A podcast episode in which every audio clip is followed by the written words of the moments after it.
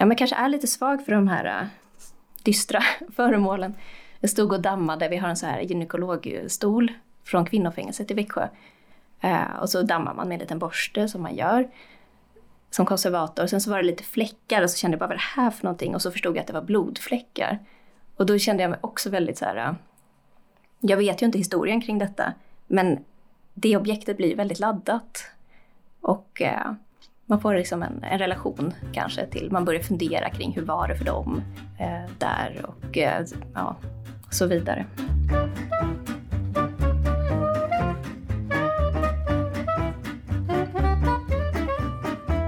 Din podd på jorden är Kulturparken Smålands podd om Kronoberg. Här pratar vi om stort som smått inom länets kulturhistoria, från forntid till nutid. Hej och välkomna till Din podd på jorden. Jag heter Lovisa André och är programledare idag. Med oss i poddstudion har vi Maria Vareli som är konservator på Kulturparken Småland. Välkommen hit Maria! Ja, tack så mycket! Idag ska vi prata om konservering. Alltså inte den meningen när man lägger in mat i glasburkar för att det ska hålla längre i skafferiet, utan konservering som är att bevara och restaurera föremål av kulturhistoriskt värde. Maria, vad gör en konservator på Kulturparken Småland?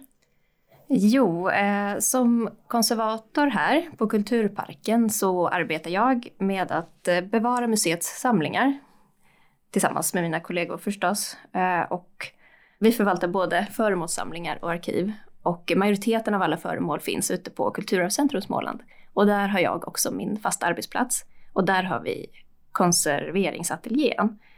Och eh, vi har ungefär 6000 eh, kvadratmeter magasinsyta. Och de är uppdelade efter, eh, ungefär efter materialkategori. Så det finns textilmagasin, glasmagasin, eh, vi har också magasin för foto och arkeologiskt material. Så det är lågt räknat har vi väl sagt att det är ungefär en och en halv miljoner föremål. Och eh, det är ju allt då från flintspån som är 9000 år gamla till uh, glasobjekt som är tillverkade förra året. Så det är en väldig bredd. Och såklart så, så är det ett stort jobb att bevara det här för mm. framtiden helt enkelt. Um, och i eh, stiftelsen eh, Smålands museums stadgar så står det så här, och nu läser jag ett litet stycke, att stiftelsens ändamål är att förvalta stiftelsens samlingar. Och sen vidare, de museiföremål som tillhör stiftelsen ska förvaras och vårdas på ett sådant sätt att full trygghet vinnes för deras bevarande för kommande tider. Och det är liksom det som jag arbetar med kan man säga. Mm. Um, och det, det finns oändligt med arbete att göra kan man säga. Inom vilket eh, område arbetar du inom? Jag är från början eh, utbildad papperskonservator. Men eh, här på Kulturparken så eh, så arbetar jag ju eh, till stor del med samlingsförvaltning kan man säga och det som vi kallar för preventiv konservering. Och det, är, det handlar om att förebygga skador redan i, genom att förvara föremålen på ett bra sätt. Egentligen alla åtgärder man gör i magasin och utställningar för att till exempel förbättra klimat eller förvaring, hantering. Eh, Likaså rutiner för hur vi arbetar med föremålen. Så det är lite det är mycket så riskanalyserande. Men, eh, och sen så, så, har jag ju, eh, så gör vi också aktiva konserveringsåtgärder på föremålen. Men eh, det är vanligt att man som konservator utbildar sig mot en särskild materialkategori. Och då har vi också, vi har tidigare haft en jätteduktig textilkonservator. Nu har vi en målerikonservator på deltid. Och sen så köper vi också in konserveringstjänster då på de objekten som som inte jag hanterar eller eh, konserverar ska jag säga. Mm. Vad innebär aktiv konservering? Aktiv konservering skulle jag säga är eh, när man gör ett, eh, då ett aktivt ingrepp i själva objektets material. Mm. Medan den preventiva biten är det man gör då för att förebygga skador. Så det kan ju vara våttvätt, revlagning till exempel, eh, när man pratar om papper. Eh, det är ju mycket rengöring och eh, retuschering i vissa fall. Vad är det då som gör vissa föremål värda att bevara och andra inte? Det är ju väldigt jättespännande fråga och så här, som jag tänker är lite allmänmänskligt, nästan filosofiskt. Varför sparar vi föremål? Och det är ju för att vi människor laddar dem med betydelse och värde. Och jag tänker vilket värde det är, det styrs ju av eh, etik och kultur. Mycket.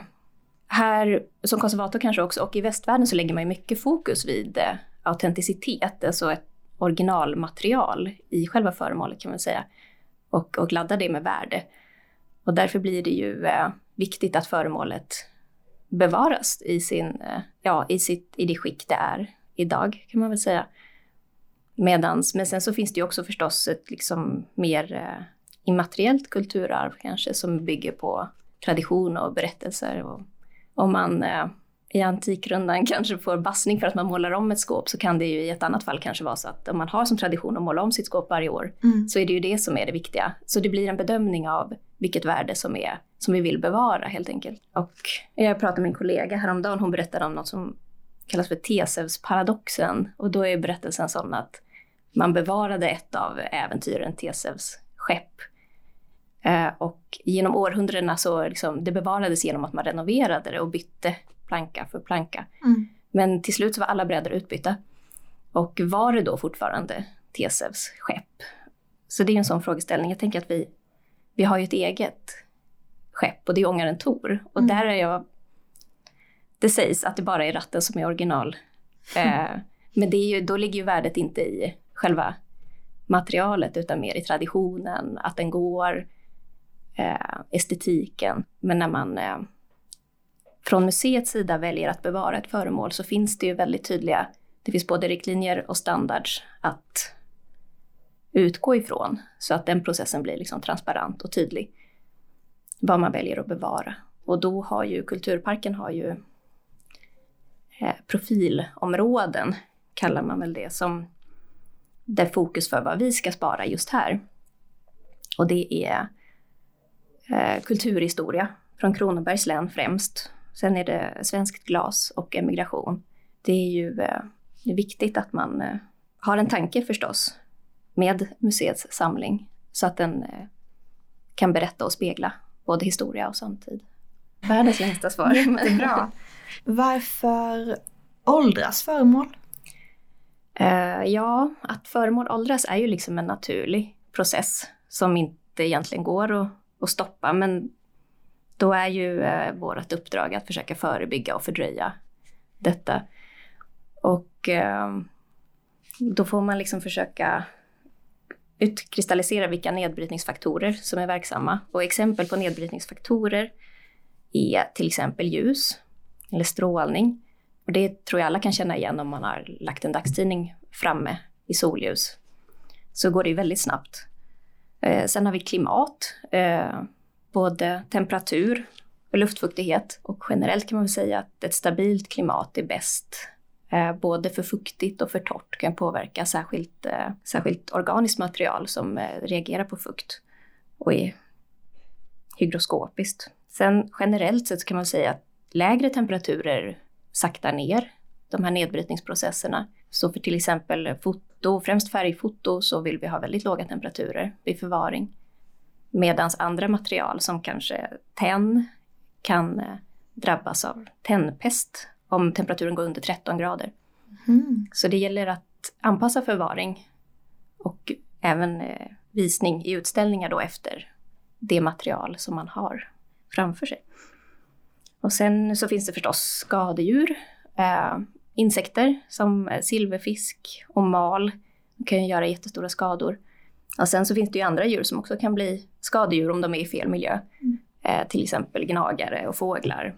Och där eh, med skadedjur så har vi ju ett, det är ju ett väldigt ett omfattande och aktivt arbete att försöka eh, förhindra det. Sen måste jag ju nämna katastrofer som mm. översvämningar och brand.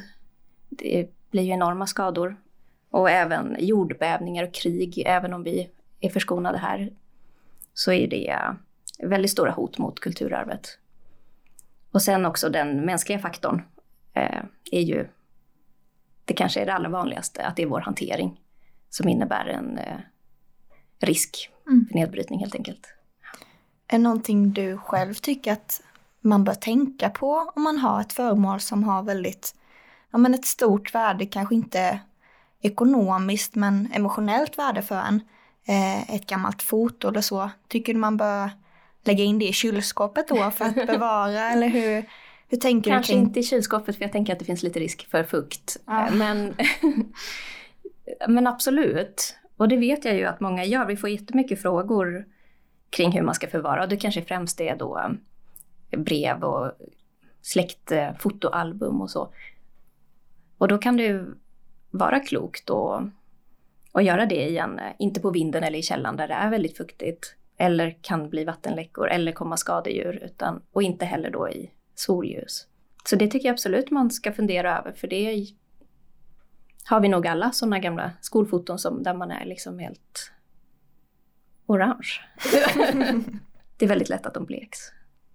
Hur gör ni då om ni får in till exempel gammal klänning eller så, eller skor eller vad som helst helt enkelt, ett skåp eh, till Kulturarvscentrum som ni misstänker eller troligtvis har någon typ av skadedjur i sig eller något annat. Hur, hur hanterar ni det, eller de föremålen? Eh, ja, då har vi ju eh, en jättestor frys som eh, den stod klar 2019 och det möjliggör ju för oss att kunna sanera föremål. För Att vi vet att det inte finns levande skadedjur i materialet när vi tar in det sen i magasinen. Så vi har som olika zoner som vi arbetar med. Och först när föremålen är frysta så får de komma in i det som är liksom den rena zonen av magasin och konserveringsateljé. Och eh, det beror lite på vad det är för objekt. Allt går inte att frysa. Men mycket går bra. Och då så eh, är det viktigt att det är inte liksom vanliga glassboxen utan våran frys går ner till mellan eh, minus 30 och minus 33 grader. Och då dör alla stadier av eh, de vanligaste museiskadedjuren som annars kan eh, överleva och liksom vakna till liv igen. Vi fryser dem helt enkelt i ja, mellan en vecka och tio dagar för att vara på den säkra sidan. Ehm, och de objekt som vi inte kan frysa får man, ja, vissa, vi kallar att vi lägger i malpåse. Och då så, så plastar vi dem. Eller först så, så ser man om man ser några tecken på skadedjur och sen så plastar vi det så det blir lufttätt och sen så får det ligga.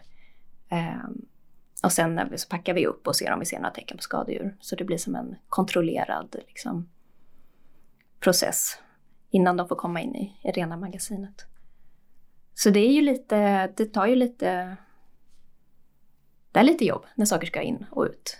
Och apropå skadedjur, ska vi ta ett besök till eh, frysen ute på Kulturarvscentrum? Ja, vad kul. Ja, då står vi här i det som kallas för intaget på Kulturcentrum Småland och eh, här finns den här extremt stora frysen. Och den uppmärksamma lyssnaren märker nog också att det är en annan röst som pratar och jag heter Kim Bovander Lindstedt. Maria, frysen här, eh, minus 32,3 står det på de här displayerna. Den är igång och den kör. Eh, kan du beskriva hur den ser ut? Ja, absolut. Det här är ju då vår eh, stora frys, kanske man kan kalla den. Den är ju då ungefär 2,5 gånger 3,5 eh, meter och ungefär 2,5 meter hög, lite mindre. Eh, och den har vi då, måtten utgår egentligen från några av våra största föremål och det är ju vagnar som vi har en hel del ute på vårt lantbruksmuseum Hjärtenholm. Och med vagnar menar du liksom vagnar som hästar kan... Hästvagnar, ja precis. Så den är stor, men vi vill inte heller ha en alltför stor frys för att vi vill ju ändå kunna fylla upp frysen ordentligt när vi kör en frysning så att den inte går halvtom. Och, eh, men hittills har det här känts som en, eh, en ganska lagom storlek. Och eh, precis nu är den eh, kall och nere på minus 32 så nu är det, nu är det kallt där inne helt enkelt. Men när du säger frysning, hur länge fryser man ett, ett föremål här inne? Det behövs ju i alla fall minus 30, minst tre dagar för att liksom, ta död på alla stadier av eh, de vanligaste skadedjuren som vi, som vi har. Och, eh, men vi kör lite längre, så vi vill ju helst att den ska gå ner i minus 34 och så kör vi ungefär en vecka. Och det är ju för att även om vi, om vi packar den väldigt tätt så kan det ta längre tid för kylan att komma in liksom i eh, eller beroende på vad det är för föremål, om det är kanske till exempel stoppade stolar eller så, så, så tar det också lite tid för kylan att tränga in så att det verkligen blir tillräckligt kallt tillräckligt länge. Vad är det för skadedjur som... Det är främst är det mal, och så olika typer av ängrar och också silverfisk. Och nu är det ju många museum som har problem med den långsprötade silverfisken som inte bara håller sig till fuktiga miljöer utan även kan liksom vara i torrare miljöer och det är ju jätteproblematiskt. Vad gör den för skada? Ja, den äter cellulosabaserat material så det är ju papper främst som är, och textil i viss mån. Hur vanligt är det att ett museum har en frys av den här storleken? Eh, Eller en frys Ja, men precis. Men det börjar bli vanligare och vanligare. Absolut. Och eh, man har ju liksom övergått... Tidigare så har man ju använt ganska mycket gifter och pesticider så där på samlingarna. Men nu är det ju uteslutande liksom frys och värmebehandling kan man använda sig av också. Men det är absolut fler och fler som, om man har den möjligheten så är det väldigt effektivt.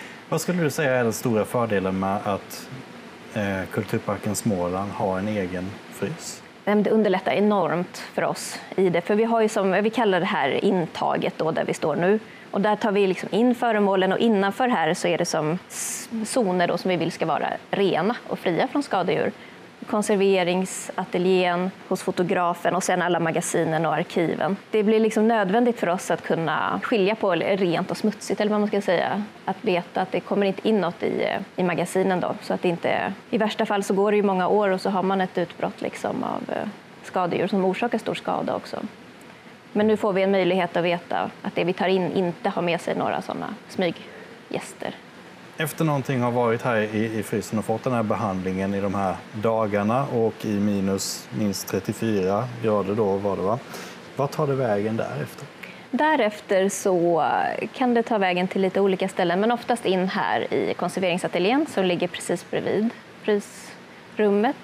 Och där jobbar vi med registrering av föremålen och också avsyning om de har varit i utställning. Annars kan de fortsätta in vidare till fotografen och sen vidare in i eh, arkiv och magasin. Och nu ska vi tillbaka till studion och där ska vi prata om vad det var som lockade dig till yrket som konservator. Hur kom du fram till att du ville bli konservator? Jo, men jag har ju alltid varit intresserad av konst och kulturhistoria kan man säga. Och sen så är det så, det som är kul och som kanske lockar många med konserveringsyrket är att det är tvärvetenskapligt. Så det, där kan liksom humaniora och naturvetenskap mötas. Sen tänker jag också att många lockas av att det är väldigt internationellt. Man kan ju jobba och dela erfarenheter med folk över hela världen. Och det är också väldigt brett. Så att det jag kanske var intresserad av när jag började på utbildningen har... Ja, sen har det liksom öppnats en massa nya vägar med saker att fördjupa sig i. Så det är väldigt spännande. Ja, men sen tänker jag att det kanske också är... Min pappa var alltid så här... Äh, man tycker det är viktigt att så här, kulturarvet är allas. Och vi har ju gått massa på museum och även att, att man har möjlighet att se det som inte visas i utställning. Så vi har ju varit runt lite när jag var liten då och kollat på så här äh, magasin, bland annat på Naturhistoriska riksmuseet var vi och tittade på Sillkungen, som är alltså en eh, ovanlig djuphavsfisk. Så det har ju satt spår såklart. Det är jättespännande att få komma bakom kulisserna mm. och titta liksom vilka enorma samlingar som finns i museerna.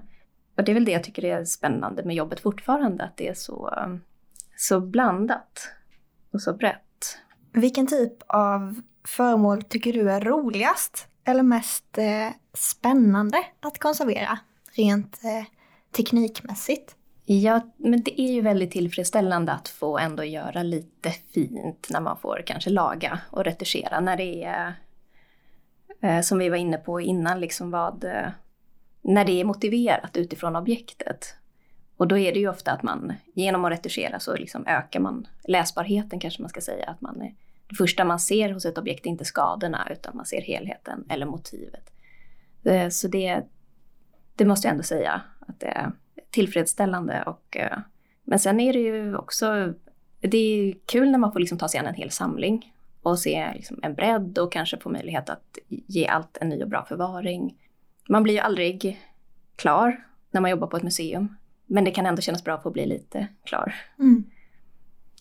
Är det någon speciell typ av föremål som du tycker är mest spännande att arbeta med?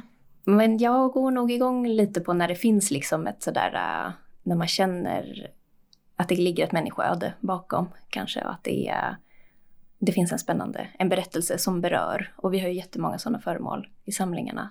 Och då är det kanske inte konserveringstekniken så mycket som, utan det är, det är att man får en förståelse för objektet som är spännande. Och då är det väl kanske mycket, ja, dels nu senast så har vi ju äh, haft eh, Vilhelm Mobergs originalmanuskript till Utvandrarsviten som ska visas troligen i eh, den nya utställningen här på som ska heta Det nya landet på Utvandrarnas hus och i Moberg-rummet som också får som en, eh, liten remake eh, som jag tyckte var eh, spännande att få hantera. Det var lite känsla, lite tyngd tycker jag absolut. Och eh, det har varit roligt överlag med den utställningen för vi kommer visa väldigt mycket pappersmaterial, arkivmaterial. Och, eh, så det har varit mycket revlagning och tejpborttagning och många sådana här starka livsöden. Vi kommer också visa en eh, klocka från Maurits Ådal som var, eh, omkom under Titanic-katastrofen. Eh, och det är ju också en väldig känsla med ett sådant objekt där klockan har stannat på 02.34 och det är ju kort efter att han kom i vattnet antagligen. Ja, men kanske är lite svag för de här eh, dystra föremålen. Jag stod och dammade, vi har en så här gynekologstol från kvinnofängelset i Växjö. Eh, och så dammar man med en liten borste som man gör som konservator. Sen så var det lite fläckar och så kände jag bara vad är det här för någonting? Och så förstod jag att det var blodfläckar. Och då kände jag mig också väldigt så här, eh, jag vet ju inte historien kring detta, men det objektet blir väldigt laddat. Och eh, man får liksom en, en, relation kanske till, man börjar fundera kring hur var det för dem eh, där och eh, ja, så vidare.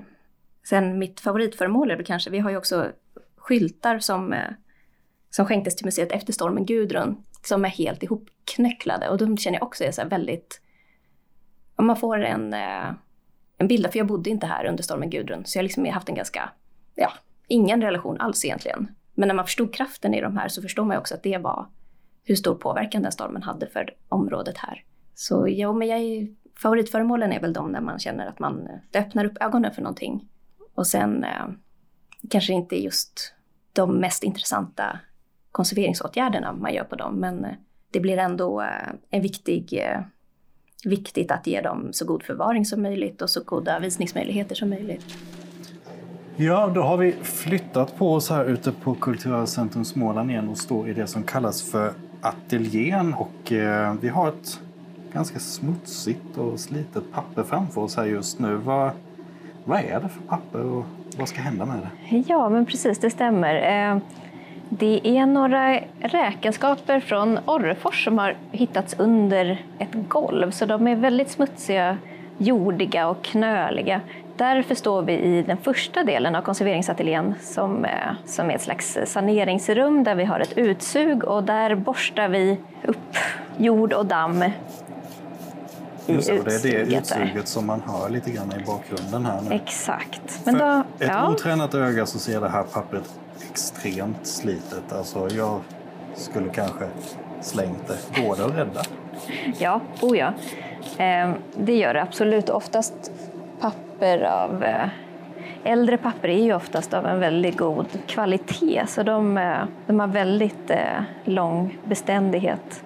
Och även om det är knöligt och, och så nu så går det att få det slätt och läsbart. Eh, men sen så kan det ju vara ett problem med bläcket kan, kan brytas ner och skapa hål i pappret och så men man kan ju fortfarande se vad som står.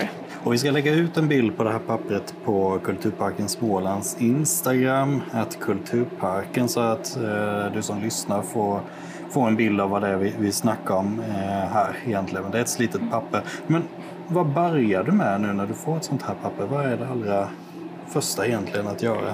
Eh, det första brukar vara rengöring och då är det oftast en torr rengöring med en eh, pensel, en dammsugare, kanske utsug om det är mögel så man inte andas in mögelsporer och så. Och sen har vi en liten eh, svamp som vi ofta använder, en sotsvamp. Och sen när man känner att pappret är rent så kan det, man vill då i det här fallet planlägga det och då behöver man fukta det lite, oftast med vatten. Så får man ju testa vad det är för bläck och sådär så, så att det tål en sån behandling. Annars kan man göra det också torrt, ta lite längre tid. Eh, och då så gör vi en liten eh, fuktkammare helt enkelt där pappret sakta kan slappna av. Sen lägger vi det i press. Så mycket mer eh, tror jag kanske inte är aktuellt just i det här fallet. Vad är viktigt för dig i, när du närmar dig ett sånt här papper? Är det lugn, tålamod eller är det brutal kraft framåt som gäller? Nej, men överlag så ska man ju inte ha bråttom när man håller på. Så lugna, absolut. Är det nervöst? Eh, ja, men vissa moment kan ju vara, det är inte just det här, men eh, ibland måste det ju gå kanske liksom eh, i ett eh, flöde. Ja, ibland kan det nog vara lite nervöst om det är, är något man inte gör så jätteofta eller sådär. Men det är bra, då får man lite spänning i, i vardagen. Vad är eh, målet här? Är det återställning så nära originalskick som möjligt eller är det något annat som du vill uppnå? Nej, det här är nog bara att det kan eh, läsbarhet och eh, kunna bevaras vidare i arkivet sen. Eh, för det ska inte ställas ut och det behöver inte vara estetiskt tilltalande heller. Hur mycket av historien tycker du sitter i själva revorna och smutsen? Ja, men ibland är det ju allt nästan, eller en jätteviktig del. Och man kan ju tänka sig ett scenario där det, här, där det mest spännande med det här är att någon har lagt det under golvet, eh, möjligen av någon anledning. Men och vi har ju andra sådana föremål som är, ja det är att det är patina slitet och tummat som, som gör att det ja, det bidrar mycket till historien. Det kan ju vara en liksom Amerikabiljett eller en dagbok eller eh, ja, ute i andra rummet har vi också en eh, sån gasmask från första världskriget där väskan är väldigt eh, ja, men patinan ger ju, är otroligt betydelsefull. Sen är det ju kanske främst konservators uppgift att se till att det liksom att stoppa tiden lite grann här och nu och också göra att publiken, att man kan förstå föremålet. Det inte är så trasigt eller fläckigt eller så att man inte förstår vad det är för någonting. Och nu ska vi åter tillbaka till studion för en inblick i hur konservatorer förhåller sig till lite mer moderna föremål. När man pratar om konservering så är det ju ofta att man tänker att det bara är gamla grejer som, som ni arbetar med. Men finns det exempel på moderna material eller föremål, eh, nutida saker som, som ni arbetar med? Ja, men det gör det absolut. Och eh, i kanske ännu större utsträckning så är det ju utmaningar med de moderna materialen som plast och gummi som inte om man jämför med flintavslag till exempel så är de otroligt beständiga och vi behöver inte göra någonting egentligen. Men eh, många moderna material har liksom en inbyggd eh, eh, risk. Och eh, då blir det väldigt viktigt att man har eh, rätt förvaring. Att eh, konservera plast är ju också en egen, liksom, precis som papper, en egen inriktning. Eh, och som blir, eh, det blir viktigare viktigare även eh, digitala bilder, utskrifter har ju också utmaningar. Så det är ett växande problem, växande fält. Och eh, vi står absolut inför det på Kulturparken, även om majoriteten av eh, föremålen i samlingen inte är moderna. Ja, det kräver, det kräver mycket och kan göra det svårt att visa dem också. Vad är det häftigaste som du har fått arbeta med enligt dig? Ja, det var en jättesvår fråga. Jag vet inte om jag kan svara. Man blir väl lite... Det är väl alltid lite häftigt kanske om det är en känd konstnär möjligen som har... Eh, men man, jag tror också att man kanske som konservator, till slut så ser man eh, bara materialet och inte så mycket eh, andra värderingar kring ett objekt. Och det är nog också så som eh, som man måste jobba inom ett museum, att man inte För när ett föremål väl är i samlingarna så tänker vi ju på att alla ska behandlas, inte likadant, men efter, för alla ska behandlas enligt det de behöver eller på de bästa förutsättningarna för bevarande. Så det kanske är det tråkiga svaret att jag eh, inte kommer på något riktigt just nu. Finns det något som är mindre kul inom konservering enligt dig? Det mesta är ju absolut kul, men när man, det är klart att det kan kännas eh, motigt att eh, behoven är ju enorma. För att allting bryts ju ner och en museisamling inte minst och att resurserna är ju är ganska knappa. Eh, så det kan ju ibland kanske vara eh, tråkigt och eh, också tänker jag att det är viktigt att man, eh, nu får jag tillfälle att prata om det med liksom hälsorisker, att det är ofta i museisamlingar tidigare behandlade med pesticider och gifter och föremålen kan också vara giftiga i sig. Och, eh, eller ha mögel och damm. Vi jobbar mycket med lösningsmedel som också kan vara hälsofarligt så det gäller att eh, ha skyddsutrustning på när det behövs och eh, hantera samlingarna på rätt sätt. Och, men det är klart att det är ju inte, det är kanske inte det roligaste. kan allt visas eh, eller ställas ut med rätt förutsättningar? Eller finns det något som inte kan ställas ut av olika anledningar? Jag tänker att allt kan ställas ut med rätt förutsättningar, men att det ligger ju en, en motsägelse i museets uppdrag i att visa och bevara. Det är ofta ett exempel på det ljus som vi behöver för att se och uppleva föremål, men som också bryter ner och startar nedbrytningsmekanismer i materialen. Så det blir alltid en avvägning och eh, en anpassning utefter varje enskilt objekt. Beroende på förutsättningarna så kan det ju krävas ganska både budget och framförhållning om man ska kunna visa allt, absolut. Men i, eh, i utgångspunkt så är det ju, så, så kan man det. Och att det är ju viktigt att visa. Men då ska det man visar också berätta. Både nu och i framtiden kanske. Maria Vareli, tack för din medverkan i dagens poddavsnitt om konservering. Ja, vad roligt att jag fick vara med och eh, berätta lite om något som kanske är lite, lite sådär en dold verksamhet på våra museer.